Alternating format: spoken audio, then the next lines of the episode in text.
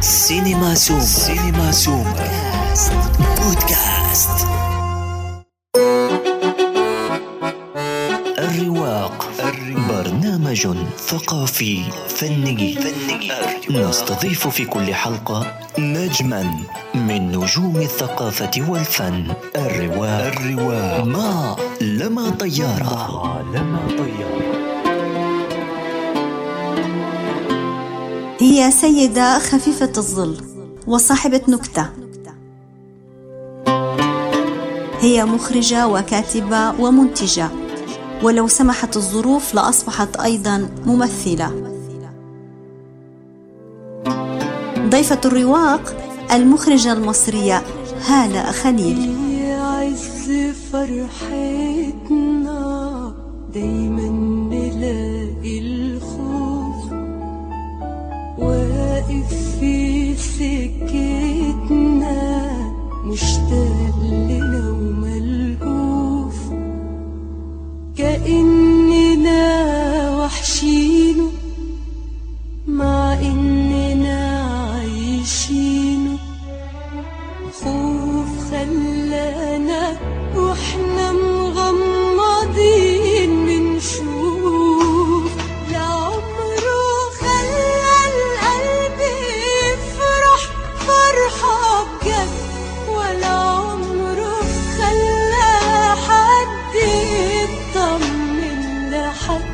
مرحبا هالة أنا سعيدة جدا أننا أخيرا آه، قدرنا نستضيفك معنا بالرواق الثقافي. مساء الخير يا لاما. ميرسي خالص خالص. يعني بشكرك وبعتذر لك يعني عن المجهود اللي عملتيه علشان نعرف فعلا نبقى مع بعض. وإن شاء الله يا رب هيبقى حوار حلو. أنا سمعت حواراتك السابقة ومبسوطة خالص خالص. وبهنيكي يعني على تجربة الرواق. واهلا بيكي بجعبتك أفلام سينمائية. الحقيقة أنها قليلة ولكن على قلتها آه، تعتبر علامة في السينما العربية وليس فقط المصرية. لكن الملاحظ أنه في معظمها آه، تنتمي لسينما المؤلف. لذلك السؤال ليه بتلجئي لكتابة أعمالك؟ هل هو السبب أنه ما بتلاقي النصوص اللي بتناسبك أو اللي تروق لك؟ ولا في سبب تاني لاتجاهك لسينما المؤلف؟ بصي هو أنا ما ابتديتش بالسينما المؤلف يعني أنا اكتشفت في, الطريق إن أنا أنتمي لسينما المؤلف بس أنا ما ما كانش. يعني مع إن مشروع تخرجي في معهد السينما أنا اللي كاتباه لكن ده برضو ما كانش حطيت كنت كنت شايفة كنت شايفة الإخراج إنه إنه ممكن يعني بشكل منفصل عن الكتابة. وما كنتش عارفة أنا نوعي إيه برضو من المخرجين. فأول عمل آه، عملته أحلى الأوقات كانت القصة في دماغي يعني شبه مكتملة. وبعدين رحت آه، للسيناريست الجميلة وسام سليمان وقلت لها أنا عايزاكي تكتبي لي القصة دي. وقعدنا نشتغل على السيناريو لحد لما طلع لل- للنور وهي يعني كتبت سيناريو جميل شديد الرقة يعني زيها كده. لما جيت بالفيلم التاني في قص ولزق كانت برضو القصة مكتملة في خيالي. فروحت لل scenarist صديقتي زينب عزيز وهي دفعتي قلت لها أنا عايزاكي تكتبي لي سيناريو فيلم قالت لي إيه قلت لها احكي لي كده فقلت لها تك تك تك قعدت أحكي يعني الحكاية كلها لحد لحد ما خلصت. قالت لي انت عايزة مني إيه؟ قلت لها عايزاكي تكتبي السيناريو. قالت لي طب ما انت حكيتي لي السيناريو. قلت لها يعني إيه؟ قالت لي يعني اكتبي السيناريو. قلت لها لا أنا مش هقدر أكتب السيناريو. قالت لي لا مش هتقدري تكتبيه ليه؟ انت أصلا حكيتيه. اقعدي كده وجيبي ورقة وقلم وكل اللي انت حكيتيه لي ده حطيه على الورق وخلاص. وقد كان يمكن ما كانش عندي الشجاعة إن أنا أكتب سيناريو كامل لوحدي يعني فروحت فعلا عملت كده وطلع سيناريو فيلم قص ولزق أول سيناريو كاملا يعني كتابتي والحمد لله أخدت يعني عليه جوائز سيناريو يمكن أكتر من جوائز الإخراج واداني ثقة إن أنا لا أنا أقدر أحول الأفكار اللي في دماغي ل... ل... لسيناريوهات تفتكر البلد دي ما عندهاش حاجة تديها لنا؟ ولا إحنا اللي مش عارفين ناخد منها حاجة؟ طب وتفرق إيه؟ ما كده كده ما حدش واخد منها حاجة. تفرق. لو العيب فينا يبقى ما تفرقش البلد دي عن غيرها.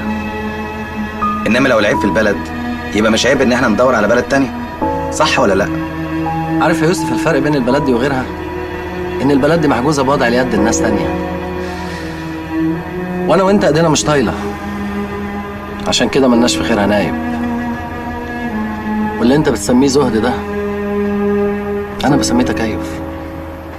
تكيف مع الظروف.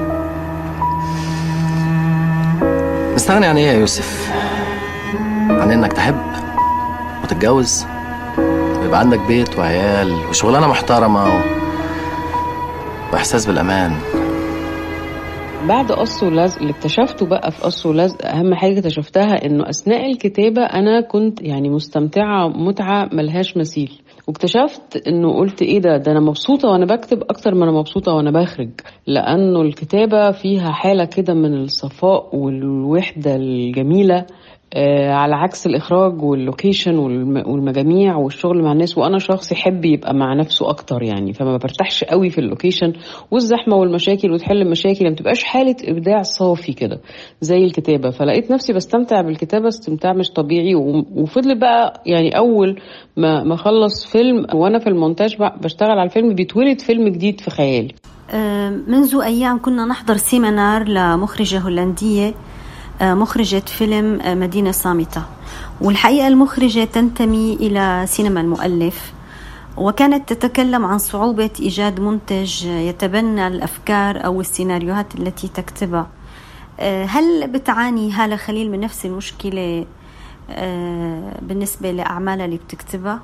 آه، مسألة المخرج المؤلف حطتني في منطقة شبه الأديبات كده. يعني الأديبات دايما تلاقي ال- ال- في الأدب النسائي تلاقي أغلب الأعمال في الأدب النسائي أبطالها نساء. آه، مش بالضرورة تكون المرأة اللي بتتكلم عنها هي لكن هتلاقي البطلة امرأة.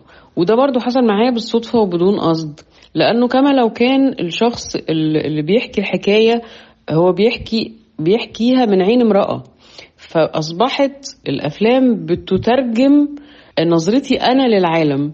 فبقت لوحدها بالطبيعة بتطلع البطلة ست تطلع في أحلى الأوقات ست تطلع في قص ولزق ست تطلع في نورت ست وتطلع في سيناريوهات أخرى بقى ما لقيتش طريقها للنور بسبب إن البطلة ست.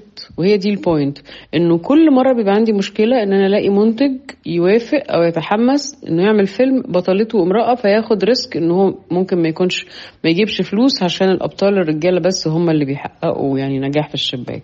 يعني دايما بحب أأكد إنه آه، آه، أنا بطل عندي ست بس موضوعاتي مش نسائية. يعني أقصد أقول إنها موضوعات مش مش مهتمة بم- بمشاكل خاصة بالمرأة بس. يعني أحلى الأوقات كنا بنتكلم على فكرة فكرة التعامل مع اللحظة والسعادة في اللحظة وإن أنت ما تبقاش معلق في الماضي أو عايش في انتظار المستقبل فتفقد سعادة اللحظة اللي أنت فيها. ودي فكرة عامة يعني فكرة تصلح لأي حد يعني أيا كان نوعه. وكذلك قص ولزق وفكرة الهجرة وال- والخروج من البلد والبحث عن أرض جديدة وشجاعة الهجرة. ده ده خاص بالولاد والبنات ويمكن بالولاد أكتر بس هو لأنه كان عن تجربتي أنا شخصيا برضو. ودي برضو نقطة يعني أحب أوضحها ف- عشان هتوضح أكتر أن علاقتي بالكتابة عاملة إزاي. آه، معظم من يعمل بسينما المؤلف يتحدث حول آه، فكرة العمل أو البذرة الأساسية للعمل واللي هي غالبا بيكون هو مصدرها وبعد ذلك يبحث عن التفاصيل. هل بالنسبة لك نفس الأمر؟ آه، انه إنه بيبقى في دايما باعث شخصي بي بيولد حكاية ممكن تكون الحكاية ما حصلتليش بس الباعث شخصي. يعني مثلا فيلم أحلى الأوقات أنا انتقلت فعلا في طفولتي من حي لحي وفقدت أصدقاء طفولتي. وفضلت طول الوقت في خيالي بدور عليهم أو يعني أقول يا ترى آه، هم بقت فلانة بقى شكلها إيه دلوقتي؟ يا ترى فلانة اللي كانت عايزة تعمل كذا عملت كذا ولا لأ؟ دي حققت فدايما كنت أفكر في كده. فقلت لنفسي في مرة طب ما تيجي نتخيل كده لقاء بيجمعك بيهم تاني ونشوف الحكاية اللقاء ده هيبقى إزاي. فاتكتب اتكتب أحلى الأوقات كلقاء بديل للقاء اللي كان لازم يحصل. بيني وبينهم في الواقع يعني. فكان ده الباعث لكتابة أحلى الاوقات قص ولزق طلع من إنه أنا وأنا عندي 21 سنة آه، عرفت إنه في هجرة لنيوزيلندا ف آه، وإن إحنا لازم نعمل استمارة والاستمارة دي تبقى كام نقطة ومش عارفة إيه. وفعلا رحت وعملت ومليت النقط ولقيت صعوبة شديدة في إنك تعمل تجمع النقط. حتى أنا لما قعدت أجمع النقط بتاعة استماره الهجرة قلت هو النقط دي بتبقى عبارة عن أنت يعني إيه عندك إيه وما عندكش إيه و... فقلت طب هو اللي عنده كل الحاجات دي ويجمع النقطة دي يمكن ما يكونش محتاج يهاجر يعني. وفشلت في إن أنا هاجر وفي ناس صحابي هاجروا فعلا. ففضلت القصة دي مختزنة اللي قام عليها أحلى الأوقات اللي سوري قص ولزق اللي بيتكلم عن آه، عنوسة الشباب والأزمة الاقتصادية وعلاقتها بالمشاعر وبالحب وكده. هو أنا ممكن أسأل حضرتك سؤال؟ اسألي يا نوار هو صحيح الفلوس اللي هربوها في بنوك بره دي. هيرجعوها ويوزعوها على الناس. أصلهم يعني بيقولوا كده في الراديو والتلفزيون. أنا كل اللي نفسي فيها بيه إن الغلابة اللي زينا تبقى عيشتهم أحسن من كده. انت رحت التحرير يا نوار؟ وكذلك نوارة لأنه تجربتي في الثورة كانت تجربة في حياتي مهمة جدا. يعني أنا كنت من الناس اللي قعدوا 18 يوم في الميدان. واللي تعرضوا يعني downs و- و- وانكسارات وارتفاعات وانخفاضات فطبعا ده رجيني جدا وخلاني مش قادرة أفكر في أي بروجكت تاني أكتبه. يعني غير إنه لازم أكتب الأول حاجة عن الثورة فكانت تجربة آه، نوارة مع الفقراء وكان سببها إن أنا كان سبب نزولي الأساسي هو كان آه، آه، رغبتي في تحقيق العدالة الاجتماعية. يعني دايما أنا متأزمة قوي عن عدم العدالة في توزيع الثروات على الكرة الأرضية. يعني مسألة الظلم الاجتماعي دي دايما من الحاجات اللي مضايقاني كده ووجعاني يعني. فكده كان سبب نزولي للثوره وبعد كده فأنا قررت من هنا إن أنا أتناول الثورة من من زاوية الفقراء دول. يعني عملت إيه؟ ماذا صنعت الثورة في أحلام الفقراء؟ يعني رقصتهم إزاي يعني؟ وإيه الثمن اللي دفعوه ال- الفقراء فيهم؟ فالمهم خلاصة اللي أنا بقوله ده إنه دي علاقتي بالكتابة إنه دايما أنا لا أبحث عن موضوع الحقيقة إنه بيبقى في حاجات جو- جوايا بتتحرك كده فبتروح حاجة منهم ضغطة في فترة ما بسبب ظروف ما فتروح مشكلة حدوتة ف- فالحدوتة تتكتب. في طبعا حواديت كتير وفي سيناريوهات كتير كتبتها. لم يعني أستطع إن أنا أخرج للنور يعني إنتاجيا وببذل مجهود خرافي عشان أدور الاقي إنتاج. by the way يعني أنا مرة قريت في كتاب إنه إنه أه- أه بأهمية إنك تكتب سيناريو إنك تكون مخلص إنك تساعد هذا السيناريو في الخروج للنور بإنك يعني تحاول تفتح له الأبواب تعرضه على منتجين بقدر الإمكان فأنا بمجرد ما بخلص السيناريو ببتدي أدخل مرحلة لوحدها كده اسمها مرحلة البحث عن منتج وهي مرحلة يعني بتفرغ فيها تماما لل- للبحث عن منتج إلى أن. المرحلة دي بديها فترة وبعدين لما بلاقي مفيش أمل بروح حاطه سيناريو في الدرج لأنه بتكون already اتولدت خلاص حدوتة جديدة ببقى لازم أقعد أكتب فيها. فبتفرغ لها وبكتبها ثم أبحث تاني. ففي مشاريع كتير في الدرج ما نجحتش في إن أنا ألاقي لها منتجين لكن أنا طول الوقت بشتغل. يعني ما فيش وقت أنا ما عنديش فيلم متحمسه له وبكتبه وبجري وراه وكده. في خطوة لم يسبق لها مثيل في تاريخ مصر النائب العام عن مستشار عبد إيه؟ بحبس نوار. نسافر نروح فين؟ اي حتة نسيب مصر أنا فعلا كبرت. صحتي ما بقتش تستحمل. ولا برد لندن ولا حر دبي. أنت بتسمعش على النهب والسرقة اللي في البلد اليومين دول؟ أنا بس خايفه أموت على ساعة.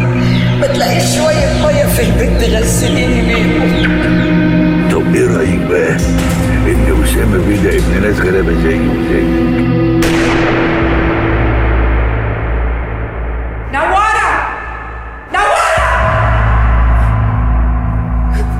نوره شبه ستات كتير جدا جدا جدا في مصر شخص شديد التحمل وشديد القوة ومع ذلك عنده ابتسامة رضا شديدة وعنده أمل فظيع في بكرة. أنا راجل في صناعة الأفلام أرى إن العنصر النسائي عندنا في الصناعة قليل بل نادر الوجود يعني. فهو ده السبب اللي خلاني أعمل الفيلم ده إن العنصر النسائي هو أبو وأم هذا العمل.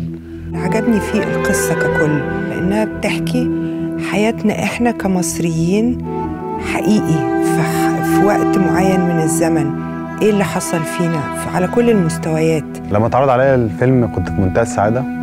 قعدنا على الشخصية وقعدنا على علي ده عامل إزاي وقعدنا على موضوع الموتوسيكل ده هيتساق إزاي. فيلم بيعالج قصة إنسانية رهيبة. السينما وحشتنا قوي الفيلم ده هيرجعنا للسينما ورجع السينما تاني لينا. حسيت إن أنا يعني مبسوطة جدا إن أنا أصلا جالي الفيلم. ده فيلم نوارة أكيد أكبر مثال على كل ما ذكرتي وخاصة في تفاصيله العميقة جدا. آه، ذكرتي أنه عندك مجموعة سيناريوهات آه، لم ترى النور وهي حبيسة الأدراج. طب ما بتفكري تحوليهم وأنت عندك هذا النفس الروائي آه، إلى روايات أو نوفيلا قصص طويلة؟ برافو عليك يا لما. طبعا طبعا. فكرت كتير كتير. يعني كل ما أجي كده في لحظة وأحس إنه لأ يعني بقى أنا كده يعني أم، اتاخرت يعني في إنه أطلع عمل للنور. أفكر في كده فعلا. بس أنا بصراحة مأجلة ده مسمياه مشروع التقاعد بتاعي. يعني وقت ما هتقاعد كده وألاقي نفسي بقى مش قادرة أخرج بقى سواء صحيا أو الدنيا تتغير أو الظروف أو أي حاجة هتبقى دي أجمل أيام حياتي. إن أنا فعلا هطلع هكتب رواية. وأنا عندي مشاريع للرواية. يعني عندي اوريدي مشروعين رواية. أنا عاملة حسابي إنه هبتدي بواحدة منهم. يعني أول واحدة فيهم هي رواية عن بابايا. فدي هتكون أول مشروع بقى إن شاء الله في خطة التقاعد في الكتابة وتبقى السيناريوهات أكيد أكيد هي بس يمكن هو التفكير برضو في السيناريو مختلف عن التفكير في الأدب. يعني عامل زي اللي بيفكر بلغة كده مختلفة. عارفة يقول لك فكري بالإنجليزي أو فكري بالعربي. فالتفكير في الرواية هو تفكير بلغة غير تفكير تفكير في السيناريو. فعشان كده لما اتولدت أفكار في دماغي للرواية ما كانتش أفكار لأفلام. يعني في الفكرتين اللي اتولدوا دي أفكار روايات. لكن الأفلام ب- بتفكري فيها بلغة مختلفة فاتولدت ك- بشكل مختلف لكن لا يمنع إنه يبقى آخد فكرة أحولها بس إن ده يكون بمحفز. لكن طبعا ده بالتأكيد بفكر في ده طول الوقت لأني بكتب طول الوقت فبرضه مش يعني إحساس مش حلو إن أنت إن المبدع يخلص عمل وما يروحش للمتلقي يعني العمل ده ما يوصلش للمتلقي بيبقى إحساس فيه إحباط يعني وده اللي خلاني أفكر في إنه كمان عالم الرواية دلوقتي القراء زادوا وبقى في جمهور للق... للق... لل... لل... للرواية وبقى في ندوات بتعقد مع الكاتب يتناقش فيها في الرواية شبه حالة المخرج والفيلم وكده فده كمان شجعني أكتر عارفة هتيجوا إمتى؟ لما يتصلوا بيكوا يقولوا لكم البقيه في حياتكم أبوكم مات. ساعتها هتسيبوا اللي وراكم وتيجوا جري. بس للأسف هبقى مش موجود. حبايب جدو تعالوا. خلاص يا بابي ظبطنا الدنيا وهنقعد معاك الأجازة كلها. شكلها هتبهوق مننا ومش هنعرف نلمها أعمل لكم برنامج يجنن. أنا strong independent woman قلت لك أهم عضو في جسم الإنسان هو ده. إحنا في مركب واحد وأنت اللي نطيت من المركب زمان. اللي في حياتي ما شفتش حد بالبجاحة والفجر ده. عامة أنا غلطان يا ستي. اشربوا أنتوا بقى. هم هيشوفوا مني أيام سودة لغاية ما أعرف مين فيهم عمل العمله دي. طريقتك دي هي اللي خلت الواد ده يتجرأ علينا. يا بابي أنا ما ينفعش أمشي وإحنا كده. الراجل ده بيخاف عليا بجد. خد بالك من بنتك يا نادر. الواد اللي اسمه علاء ده ماسك عليها زلة. ده أنتوا عصابه بقى. اللي انت بس اللي حر وتعمل اللي انت عاوزه؟ وكلنا لازم نستحملك أنا الوحيدة اللي نضيفة. ما دام عرفنا نيتها يبقى اللي تغلبه العبه هزود الفلفل شوية. اتفرج انت بس على الطبخة الحلوة تبقى إزاي وتعلم.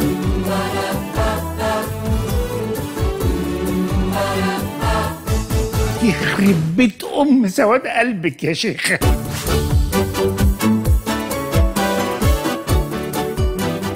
بدأتي مشوارك الفني بالدراما التلفزيونية مع مسلسل أو سيت كوم شباب أونلاين آه، وعدتي مؤخرا للدراما التلفزيونية مع الكبير الدكتور يحيى الفخراني في مسلسل آه، بالحجم العائلي اللي نجح طبعا نجاح كبير آه، ما هو سبب عودتك إلى الدراما التلفزيونية؟ هل السبب هو متطلبات العصر وجود فضائيات ومنصات؟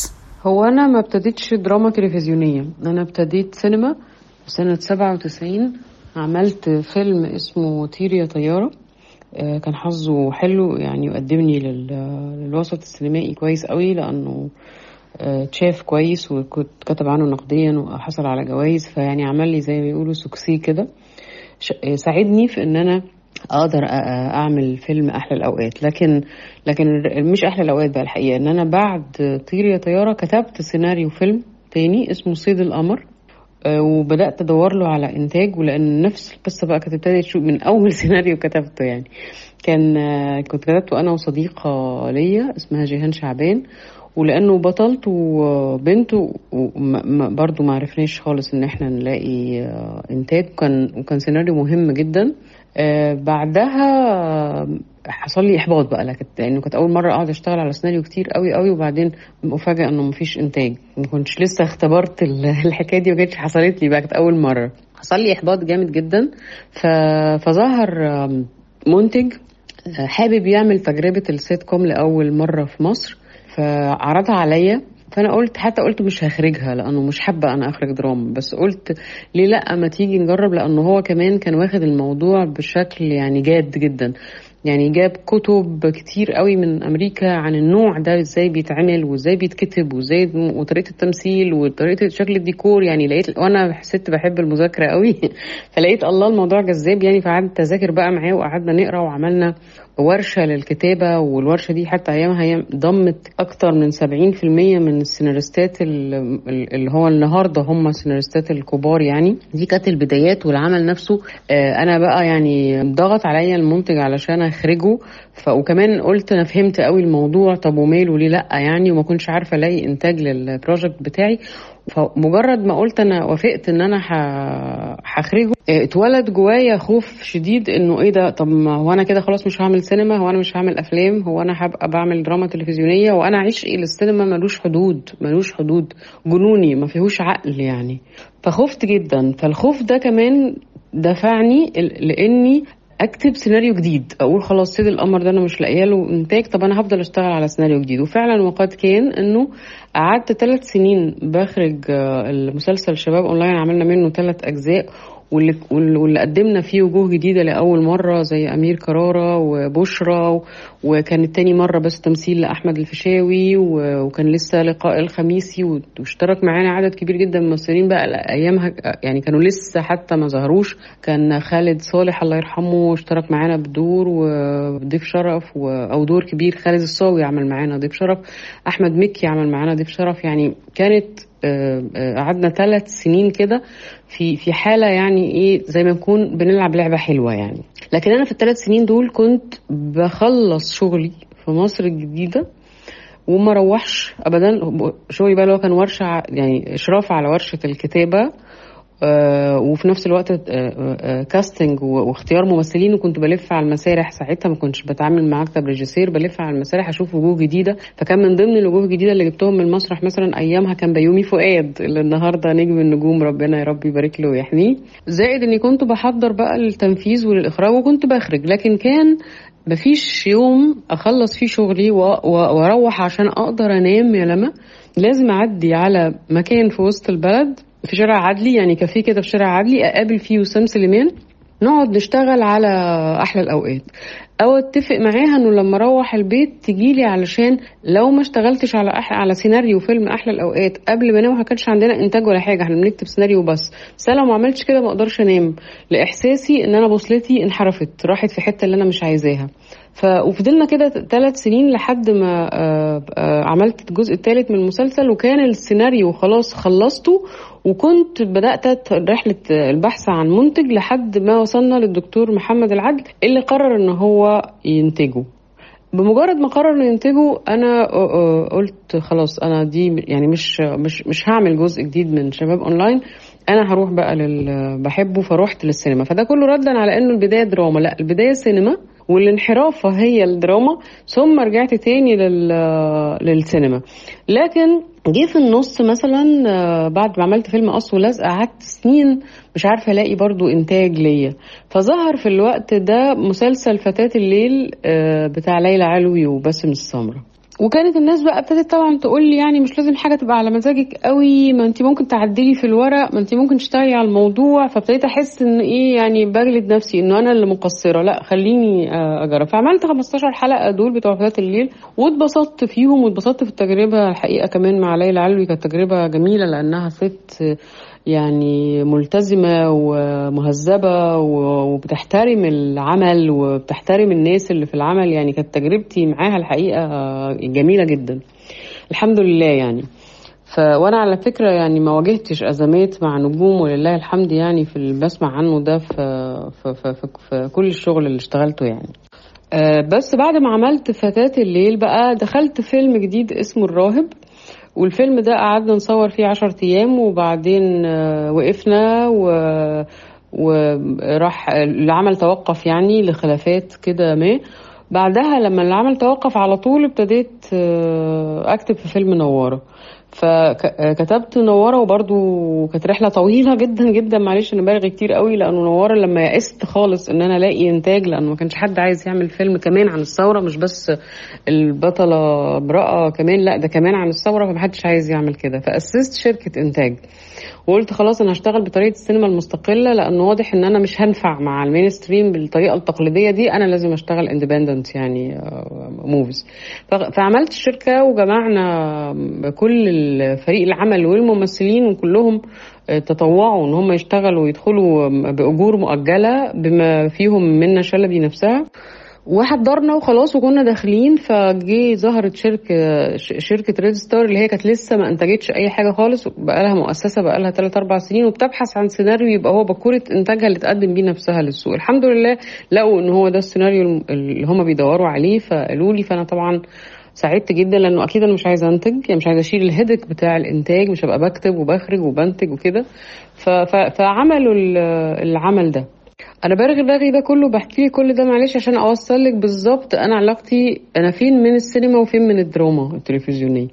بعد ما عملت نوارة كتبت سيناريو جديد ودخل ودخل السيناريو ده مسابقات فأخد جايزة ساويرس وأخد جايزة أحسن فيلم في مهرجان القاهرة وأشيد بيه نقديا جدا جدا وبدأت رحلة البحث عن إنتاج لهذا الفيلم. الرحلة دي استغرقت حوالي سنتين. كل الناس خايفة إنه يكون فيلم ما يجيبش فلوس في الشباك وكده رغم الإشادة بالسيناريو. فظهر في اللحظة دي مسلسل بالحجم العائلي. أنا يوم ما توفى الفنان أحمد زكي الله يرحمه أنا يعني على قد ما حزنت عليه وعلى وفاته أنا أول حاجة فكرت فيها إنه ياه كان نفسي أشتغل مع مع أحمد زكي. آه و و و وفي اللحظة دي كمان نطت في دماغي إنه إيه ربنا يطول في عمر يحيى الفخراني عشان أنا عايزة أشتغل مع يحيى الفخراني. يعني أنا بشوف إنه أحمد زكي الله يرحمه والدكتور يحيى الفخراني ربنا يطول في عمره هم موهبتين استثنائيتين جدا جدا وأنا بحب التمثيل حب مميت. يعني أنا أنا مثلت في بدايتي في المدرسة وبعدين مثلت في مسرح الجامعة وأخرجت في مسرح الجامعة فأنا عندي يعني التمثيل مع الإخراج مع كده يعني تمثيل عنصر في في جانب شخصي وأنا بحب التمثيل جدا يعني يعني يمكن لما كنتش بقيت مخرجة جايز كنت بقيت ممثلة. أنا راجل عديت السبعين. عايز إيه يا نادي؟ أي حد عايز أي حاجة من جدته يقول لي على طول.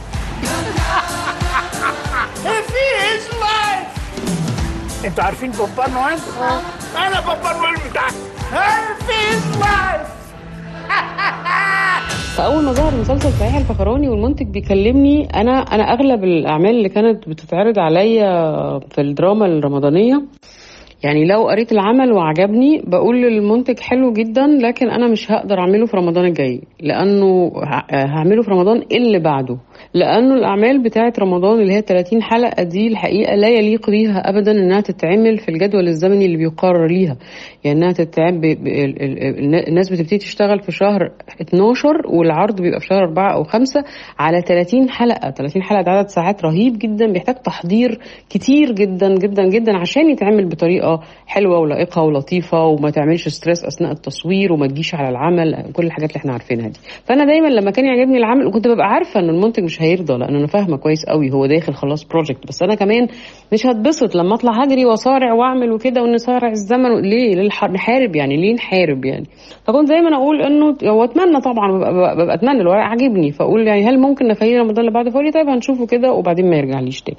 لما كلمني المنتج بقى على مسلسل يحيى الفخراني الحقيقة أنا أول ما قال لي يحيى الفخراني طبعا مع احتفاظ بالألقاب يعني دكتور يحيى الفنان الجميل يعني أول ما قال لي كده أنا قلت له يس ما قلتلوش إيه الورق ولا إيه الموضوع ولا هتنفذ إمتى ولا أي حاجة. يعني فاكرة كويس قوي كنت ساعتها بحضر مهرجان الجونة وكنت راكبة عربية وجالي التليفون. نزلت بقى من العربية وأنا بتنطط بتنطط وبحكي لصاحبتي اللي كانت معايا فصاحبتي حتى قالت لي يعني ما تقوليش تعمليش كده. ده كده هيضحكوا عليكي في الأجر. يعني لما انت الفرحة اللي انت فرحتيها دي هيضحكوا عليكي يا بنتي في الأجر. قلت لها ولا فارق معايا أجر ولا فارق معايا أي حاجة. أنا. أنا هشتغل مع يحيى فخراني يعني. فكنت سعيدة سعادة رهيبة. فالمسلسل ده كان الأصل فيه ان أنا أشتغل مع الفنان الممثل العظيم يحيى الفخراني. لكن آه، آه، بعد بالحجم العائلي على طول خلصته ورجعت تاني لل- لل- للورق اللي أنا كاتباه اللي ما كنتش عارفة ألاقيه الانتاج ورجعت أشتغل عليه البحث عن رحلة الإنتاج تاني وبس ده بقى بعند شديد جدا وبإصرار شديد وأول مرة تحصل لي الحقيقة في في- يعني ده الورق اللي هو لو أنا زرجنت عنده لا أنا عايزه أعمله لا أنا هعمله يعني هعمله. ف فيعني الحمد لله حتى إن أنا بتكلمي دلوقتي وفي بوادر أمل يعني الحمد لله إن الورق ده يعني يظهر للنور أنا بس للأسف مكتفة مش عارفة أقول تفاصيل في النقطة دي يعني هو فين بالظبط في مراحله الإنتاجية بس بس يعني بقول ده علشان يعني آه، آه، اللي سامعني برضو يبقى يعني لو تعاطف معايا يعني أقول له إنه لا إن شاء الله بإذن الله العمل ده يعني يطلع للنور قريب يا رب. يعني الحقيقة هذا الحوار خلاني أشعر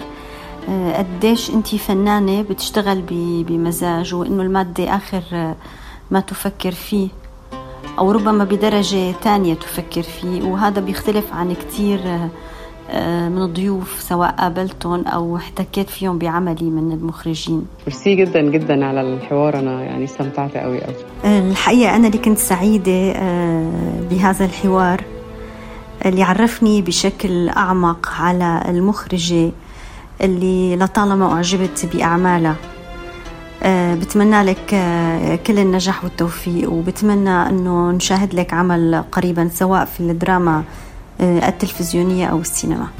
في الحلقة القادمة من الرواق سنقابل أحد أروقة الفن ممن لمعت مسيرته بأعماله. فلا تفوتوا الحلقة القادمة من بودكاست الرواق.